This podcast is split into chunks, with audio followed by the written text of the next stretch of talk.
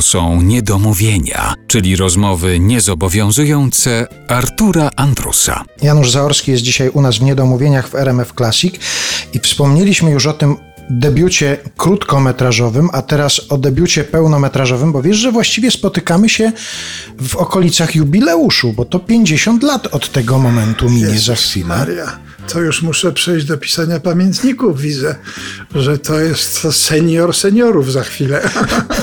Wiesz, Arturze, to jest jakiś dziwny moment u mnie teraz, bo właśnie kilka dat się zbiegło. Ponieważ ja miałem 17 lat, jak zdałem maturę, dostałem się od razu na studia. Studia były czteroletnie, ja miałem 21 lat, zrobiłem pierwszy film półgodzinny. To wszystko, ja byłem e, w każdym środowisku najmłodszy. I nie wiem, jak to się stało, że teraz jestem najstarszy. No wytłumacz mi tę filozoficzną zagadkę. Nie ma mowy, nie ma wytłumaczenia tego, tak to jest. Ale wracając do tego twojego debiutu pełnometrażowego, Uciec jak najbliżej, pokaz premierowy w marcu 1972 roku, czyli to teraz już trzeba się zbierać do przygotowań. Komitet powitalny trzeba stworzyć. Czy to już wtedy był taki zwyczaj, że kolega reżyser obsadza w roli aktorskiej kolegę reżysera? Marek Koterski wystąpił w twoim filmie. Tak, ale to wynikało z trochę innych powodów, a mianowicie Marek był moim asystentem, bo Marek, mimo że starszy, kończył przedtem inne studia.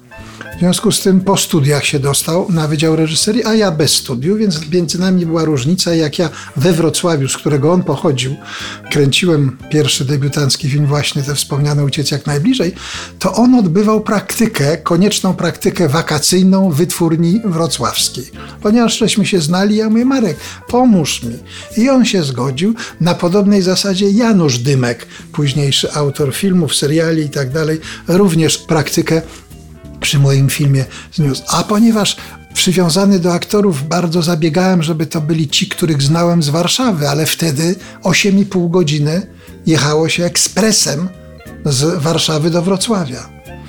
A samoloty często zawodziły, bo lotnisko było przy takich bagnach, mgły były. Sam pamiętam na zdjęcia kiedyś nie doleciałem, bo pokrążył, pokrążył i wrócił do Warszawy.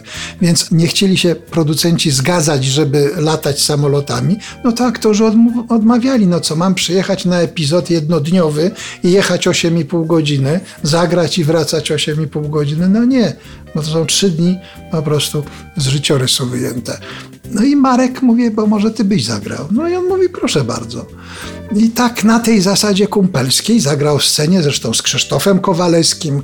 Po latach teraz mówimy, no to do CV się nadaje, bo już można się czymś pochwalić. A nie było takiego pomysłu nigdy, żeby zadzwonić do Koterskiego i powiedzieć mu, zaraz, zaraz, ty u mnie wystąpiłeś, teraz kolej na mnie.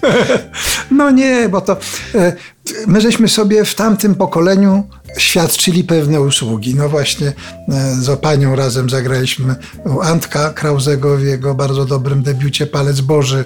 Otwieram film Człowiek z żelaza. Jestem reżyserem radiowym. Maja Komorowska mówi wiersz Miłosza, a ja za szybą jako reżyser radiowy. Irena Kamińska mi zaproponowała, Jurek Domaracki. To były epizodziki u Tomka Zygadły i tak dalej.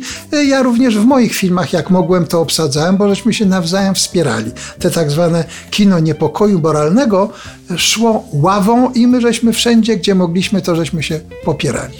Poza tym to się chyba nie da akurat w tej sferze, żeby to nie była jakaś część życia towarzyskiego, to życie artystyczne, twórcze, żeby to na przykład wyobrażasz sobie zrobienie filmu w 100% z takimi ludźmi, z których nikogo nie znasz.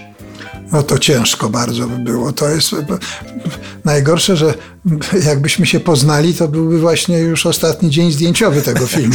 I za późno. I za późno na wszystko i błąd na błędzie. Nie, nie, to jest tak, ja też znam wielu reżyserów, którzy muszą mieć, że tak powiem, no, domowe warunki w kapciach, że on musi przedtem rozmawiać, że on musi znać tych ludzi, bo jak nie, no to jest po prostu na dystans i chłodzik bije. To się od razu gdzieś na tą taśmę filmową kiedyś, a dzisiaj na tą elektronikę przenosi i widzimy, że to nie jest to, że to nie jest prawdziwe, że to jest prawdulka w najlepszym razie, a nie prawda.